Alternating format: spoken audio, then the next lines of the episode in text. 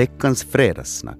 Idag med Johanna Lindholm från Hangö och Melinda Lönnberg från Ja, Mjölbolsta i Raseborg. Vill du vara väldigt klar med det här att du är från Mjölbolsta? Jag tycker om Mjölbolsta. Det hör nu till karismen att det är nog Mjölbolsta. Kanske jag borde inflika då att jag är också från Tekton. Jag är inte från Hangö. Hej, eh, vi har börjat fredagssnacken nu och eh, en snackis som nu har bubblat, ja den börjar kanske redan lördag natt och bubbla ända fram tills nu tycker jag, så är ju helt klart ehm, um, UMK-finalen, alltså Finlands svar på Melodifestivalen. Och uh, vi valde att att skicka Pertti Kurikan nimipäivät, ett punkband bestående av personer med funktionsnedsättning till den här stora glamorösa finalen i Wien. Och det brukar ju vara att alla de här, ja hela festivalen i sig så det är ju glitter och glamour och och vi skickar punk. Skitiga punk om man får säga så. Uh, vad tycker ni om det här? Alltså jag tycker att det är härligt, just den där kontrasten. Uh, sen tycker jag att det är ju en jättebra bit. Alltså den är kort och koncist och där är det. Silla Sipuli liksom. Uh, ja. Egentligen skulle jag inte ens vilja gå in på det där att de har funktionshinder. För jag tycker det har egentligen ingenting med saken att göra. att den där politiska korrektheten. Jag tycker ja. bara att det är en jätterolig bit och tuffa gubbar liksom och fullt ös. Det är häftigt. Ja, och tänker man efter på det här Finlands musikkultur så det finns otroligt mycket punk och herregud, inte det något konstigt att vi skickar dem nu för att för en gångs skull finns det ett sådant alternativ. Ingen skillnad att ha de funktionshinder eller inte eller något handikapp eller det ena och det andra. Det där är en lika god punkbit som nästan vilken som helst annan. Och i punk är det, eller det som det borde vara i musik överhuvudtaget, att man berättar sin saga. De här berättar sin saga. Och jag blev nämligen fundera på det att, att ja, att nu har vi då funktionshindrade och det här och, och aina mun pitää, alltid måste man. Tänkte att ska man vända det? En målgrupp som skulle vara intressant att höra med, samma attityd. Ensamstående morsor, jag får aldrig sova! Istället. Varför inte? Människor ska ju berätta sina sagor via den här musiken. Ja, det är ju ett jätteuniversellt tema. Liksom det, det passar in på alla, för jag tror att alla känner vi sådär ibland att alltid ja. måste. Och de här måstena och måstena och eviga måstena. Att, äh, de sätter ord på det på ett så konkret och, och, och så här fiffigt sätt. Ja, låten är ju på finska och heter Aina mun pitää och låten kommer att vara på finska. Vi känner igen oss som förstår finska. Men eh, hur tror ni att det går i Wien? Blir det här bra eller blir det ett fiasko? Men jag tror också att, eh, som Linda sa, att den är en jättebra punklåt så jag tror att den liksom kommer att rida på det att den äh, passar in i genren och att det också är något som står finländarna. Den är liksom mm. sann för dem som framför den och jag tror att där märker man om något är autentiskt eller om det är tillgjort. Ja. Och det kommer den att vinna på. Så det jag håller tummarna. Poäng att, att det är ju ganska mycket politik i, i poängutdelningen nu för tiden. Ännu också. Kanske det aldrig har varit någonting annat. Mm, som musik så vet jag inte ifall det biter på de flesta just därför. För att många har ju reagerat på att oj nej, Finland använder sådana liksom typer liksom. Och Fast det inte handlar om det. Det här är nu vårt bidrag och, och varsågod. Och sen så man röstar ju lite på kaverin och klappar på axeln. Liksom och, och, så här. Så Eurovisionen handlar om mycket mer än musik nu för tiden. Det är något som vi måste förstå. Det är inte bara musik. Där träffas mentalt liksom nationerna. Alla, alla vi som på något sätt påverkas närmare av varandra i Europa. Det är inte bara musik, det är mycket politik där också. Ja, men, ja, säg bara. Ursäkta. Jag tänkte bara med det här med politik att varför alla öststater konstigt nog gjorde de här höga poängen alltid till Ryssland har jag funderat.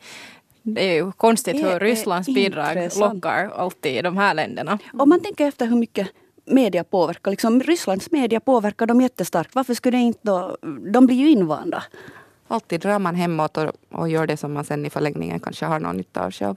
Men det som jag nu tänkte med det här bandet, så det var någon som frågade mig att ja men tycker inte du att det är hemskt sen om de vinner för att folk tycker synd om dem? Så tänkte jag sådär att är det hemskt? Nå, om det skulle vara så, skulle det vara någon katastrof? Och det är Nej. mer synd om de som tycker synd om ja. dem. För att då är säger du mer om dem som människor att man måste tycka synd om en annan människa ja. som gör det som den älskar. Precis. Nej, det tycker jag. Och sen finns det en glädje i den där låten och den tycker jag liksom, det gillar jag. veckans fredagssnack. I fredagssnackssoffan den här veckan Johanna Lindholm från Hangö och Melinda Lönnberg från Raseborg. Vad är det som ni har funderat mycket på den här veckan? Som Hangebo så har jag ju funderat mycket på det här valet av eh, kulturdirektör. Och eh, jag var lite brydd faktiskt över dels den här beredningen när man hade två helt andra kandidater än sen de som valet stod emellan. Och sen den här frågan om, om, om den här liksom lokala versus någonting utifrån. Och det är inte alltid som jag är av samma åsikt som till exempel er och Kolli och sådana här andra som oftast är av motsatt åsikt än, än majoriteten av politikerna. Men jag måste nog säga att jag gick sen in på er webb och läste de här kommentarerna. Att jag tyckte att både er och Kolli och Bernt Förnström hade en poäng när de försvarade valet av Jennica Friman. För jag tänkte att varför tror man att allt ska bli bättre om man tar någon utifrån? Man tar ett helt osäkert kort. Man vet inte vad den här människan står för, vad den kan. Um, och det här att politiker lägger jättestor tilltro till en intervju så tycker jag att det är lite oroande. Då man de facto vet vad Friman har gjort och vad hon inte har gjort. Och jag har inte hört att hon skulle ha gjort någonting. Och, och, och jag tycker inte att man kan ha sådana här anonyma brev eller postkort som någon liksom grund för att en person skulle ha utfört sitt värv. Som tur så var det ju så många som sa att det, det har inte påverkat dem. Det, det påverkar det allmänna klimatet ifall människor är så, inte vågar stå med sitt eget namn och ansikte och säga vad de tycker istället för att skicka anonyma kort. I bakgrunden så är det ju alltså det här att, att Hangö har haft en eh, TF-direktör nu, Jennica Friman, i en tid och, och nu ska man välja liksom stadigvarande direktören. Och, och, och, när det här ärendet kom upp så var man lite och, och, visste inte, alltså man var inte helt enkelt överens. Ska man fortsätta med, med, med Friman eller ska man ta en utifrån? Alltså det här har väckt mycket diskussion. Och, och det, ursäkta nu avbryter jag igen. Jag det är helt okej. Okay. har fått kritik för det men äh, jag måste säga nu medan jag har tanken i huvudet ännu att äh, det är det som förundrar mig lite, att man alltid tror att det ska komma någon Messias liksom utifrån och frälsa Hangö. Vad blir bättre av att man tar någon då nu upprepar jag det som jag sa. Men just det här liksom att det blir den här tudelningen. Ja, och Friman har ju jätteexpertis på lokal kultur. Ja, hon, har ju, hon är ju utbildad. Helt strukturellt så här.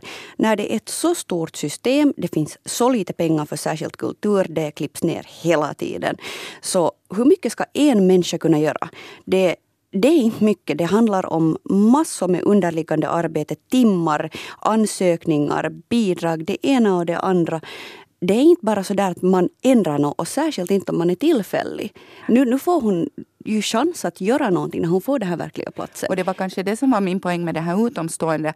Att inte kan en utomstående vända um, det som är verkligheten, verkligheten är den att det finns inte pengar. De har jättesmå budgetar som yep. de jobbar med. Jag menar alla tjänstemän inom staden. Det finns inte, kommunerna har inte pengar.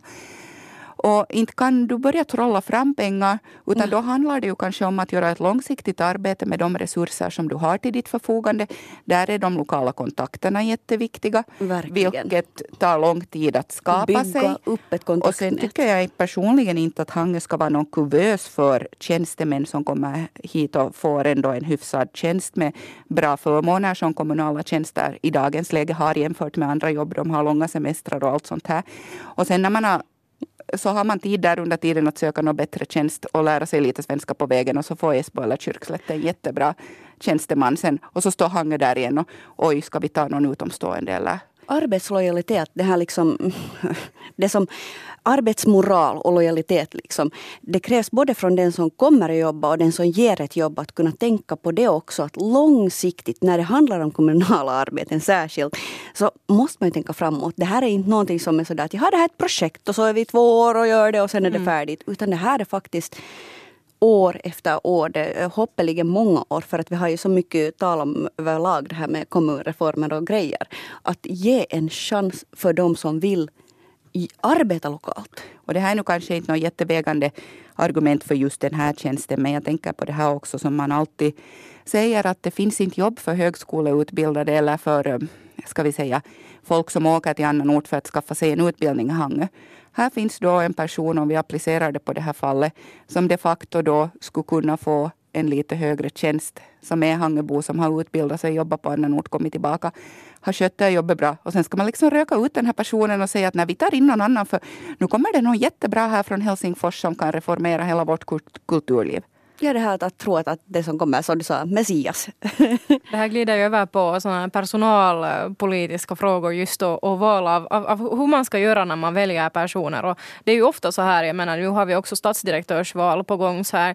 Redan i, i Raseborg och Lojo är på kommande också just i Hangö det här att, att hur man ska välja vem som är mest lagom. Och det är ju inte direkt lätt. Jag menar vanliga val i livet så kan ibland vara väldigt, väldigt svåra. Jag kan tänka att det är också hemskt svårt att veta att vem är nu sen rätt och det är lätt att vara efterklok. Men vad skulle ni själv eh, liksom just i de här andra valen också nu när det finns många tunga poster som behöver folk.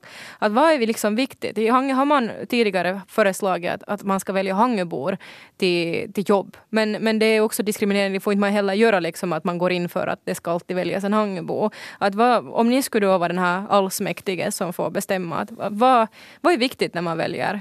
Där måste man ju se på situationen. Här kommer vi just på det sättet måste man projekttänka. Just nu, vad behöver vi för vår långsiktiga plan? Man måste för det första veta vartåt man ska. Man måste bestämma bestämma vartåt man vill. Vad är vårt mål? Vet man inte målet så det är sådär just så att oh, men det, men det blir bara roddigogga. Uh, Raseborg, vad är Raseborgs till exempel största problem? Vi har ju mycket ekonomiska. Då måste vi ha någon som kan det här med ekonomi. Vi måste kunna prioritera. Plus att få det här eh, sociala att fungera. Vi har gått igenom en så pass stor förändring här lokalt när allting slogs ihop. Det finns en underliggande känsla, det finns problem och det finns en massa kritik och förbättringsvärda saker. Och det här går inte att fixa på ett år eller med en ny typ. Det blir lite så här Obama-komplex av det. Det hjälper inte att få en typ som kan den där grejen som vi inte ens vet att vill vi verkligen det. För där sitter tio republikaner under honom och påverkar det där vad han kan göra. Och här har vi samma sak. Därför måste det finnas en klar och tydlig linje. Det skulle jag nästan önska att skulle synas tydligare. Att, att vartåt vill vi? Vad är vårt första problem? Och sen lägga ut det över hela helheten. Du sa det så bra så jag har ingenting att tillägga. Jag understöder helt föregående talare.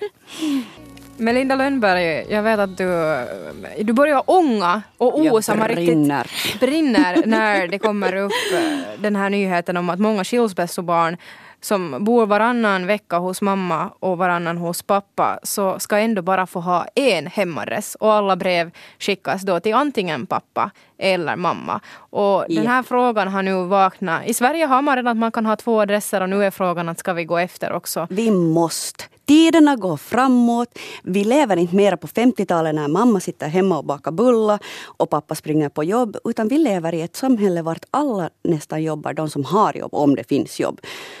Och det här påverkar i första hand barnen. Om man har ett barn som har två hem. Så de är likvärdiga hem. Om det är vecka-vecka-system, om det är vad heter det, delad vårdnad. Då är det ju likvärdigt. Då är det två vuxna personer som har fått ett barn som ska bestämma över barnets framtid och stödja det. Och det är svårt i varje skilsmässosituation att försöka komma överens med den som man skiljer sig ifrån. Det är ganska naturligt. Då borde ju staten komma emot och vara sådär att hej, vi försöker underlätta det. Nu är det istället så här att ja, nå, vart ska vi sätta barnet? Den andra har sen inte så hemskt mycket att säga. Och till exempel allt från skolskjutsar. Om barnet är skriven på ena och bor varannan vecka hos den andra. Så man, barn har ju rätt till avgiftsfri uh, skolskjuts från sitt hem. Så när jag där vart det är då närmare och därifrån inte behöver skolskjuts så får den inte. Sen, sen kostar det helt sjukt stora summor. Och ofta så handlar det då om en helhet för barnet. Det är inte bara skolskjutsar. Sen kommer allting annat till dagisavgifter. Vem tänker på barnen här? Jag menar föräldrarna har helt tillräckligt med att försöka komma ens någorlunda överens med varandra oftast. Så det borde underlättas. För här faller de små emellan som skulle ha möjlighet till, istället för ett älskande hem, till två älskande hem. Vi talar alltid om att, det är bättre, bättre liksom två föräldrar av samma kön som älskar det än att, än att liksom, allt det här. Så varför har inte ett barn då rätt att ha två föräldrar på olika ställen? Vad är motargumenten då? Varför skulle de inte kunna ha dem? Två det hem? är en jättebra fråga. Eller finns det något? Jag har inte funnit, jag har inte ännu funnit svar på det. Och det är det som oroar mig här, att man sitter automatiskt fast i de här förlegade gamla mönstren. För den här juridiska biten, liksom barnets grundtrygghet, så det avgörs väl i, i och med den här vårdnadsprocessen, Ja. att vem som har, hurdan vårdnad man har. Så det borde väl vara tryggat. Och allt annat borde ju då bara vara till för att, som Ja. du säger, underlätta barnens vardag och föräldrarnas också. För man måste ju nog Ja. lita ganska mycket på sin ex-partner då, att, att saker och ting löper. Exakt. Och det här är egentligen bara ett tekniskt problem. Det går att göra ett system att hej, att det här barnet är skrivet där och där och de här papperna far hit och dit. Det är bara tekniskt. Det är så mycket som går nu för tiden eh, automatiskt. Så varför inte det här med? Att här är det faktiskt bara för, förlegade gamla attityder. Jag vet ju Marie, Melinda, du, du brinner redan. Man ser det riktigt här om man tittar i webbvideon. Så jag vet inte om jag kastar in en ytterligare en brandfackla eller lite bensin här nu på elden när jag frågar att i Sverige så kan skilda föräldrar dela på barnbidraget. Vad, vad säger ni om det? Hiss eller diss? No, egentligen så borde det väl vara så, för båda föräldrarna är ju ekonomiskt ansvariga för barnen. Exakt. Men det är ju klart att om den ena super upp pengarna så fort som de kommer in på konto så då ska den ju kanske inte ha tillgång till dem. Men det, Här kommer vi sen till det att, att när man då skiljer sig, eh, har man barn, eh, är man gift eller inte, så det är hemskt olika. Man skulle behöva ett grundkontrakt att när man skiljer sig, när man har barn, så då skulle det, till exempel det här med, vad heter de här, vad är det, de här vad heter det, de här elatusmaxorna? Nu kommer det bara... Ja, underhåll, barnbidrag. tack, nej, alltså underhåll är just som nu när det bara finns alternativ att ha ett hem så ska ena betala underhåll. Och där sen så borde det då finnas, med tanke på de här fallen, just som vart ena föräldern inte kanske sköter sig mm, på alla sätt. Så det borde finnas automatiskt ett kontrakt varifrån man går. För nu är det så att om ena parten säger nej men inte igen, det är viktigt att skriva något papper. Varför ska vi nu skriva något papper? Det här går bra så här. Så då går det ingenstans. Det är helt beroende på den parten då, den andra parten, att får man skrivit de där pappren eller inte. Och var är rättvisan där? Det är på riktigt en stor fråga. För att barnet får inga underhåll. Kela säger, ifall det är då en sån situation vart eh, man hamnar be om hjälp av Kela, säger att nej, nej, att vi behöver nog ett kontrakt, inte kan vi göra några beslut annars. Fast det ska vara nollkontrakt. Ursäkta, ja. Det, jag tror att vi behöver brandslangen och dra in den här och, och svalka ner dig lite innan, eh, innan vi, vi skickar hem dig tänkte jag säga. Det där snacket lider mot sitt slut ännu snabbt. Det är internationella kvinnodagen på söndag. Ska ni fira? Vad har vi att fira? Mm. Nej, Nej, alltså, nej. Och inte det- kommer någon att fira mig heller. Så att det så Inga rosor martyravslutning. Ja, men, ja, Jag tycker det skulle det- vara jättekiva att ha rättvisa och jämlikhet, det skulle vara men det borde vara kvinnodag varje dag och inte liksom 8 mars. Exakt, det är en bra påminnelse. Men varför ska man börja sälja några trosor och blommor och sånt och kiva kiva? Nu, nu kommer vi ihåg det här. Vi har på riktigt i Indien en våldtäktskultur vars attityd återfinns i Finland och Sverige och man alla borde själv länder. göra någonting för någon kvinna och fundera lite på de här sakerna. Att det är det som kvinnodagen borde handla in om. Det är en jättebra idé. gå ut och ge trosskydd, Ge mensskydd åt någon hemlös. trosskydd och tamponger. Ja, det där var jättebra idé. Eller bra feedback. Att hej, för någonting som en kvinna har gjort, så sätt ett mejl eller skriv ett kort eller ett brev. Att bra gjort Eller tacka din mamma för att hon har stått ut med, det, med dig alla dessa år. Här kommer väldigt bra förslag nu. Lite alternativa hur man firar kvinnodagen. Jag tackar Johanna Lindholm från Hangö och Melinda Lönnberg från Raseborg.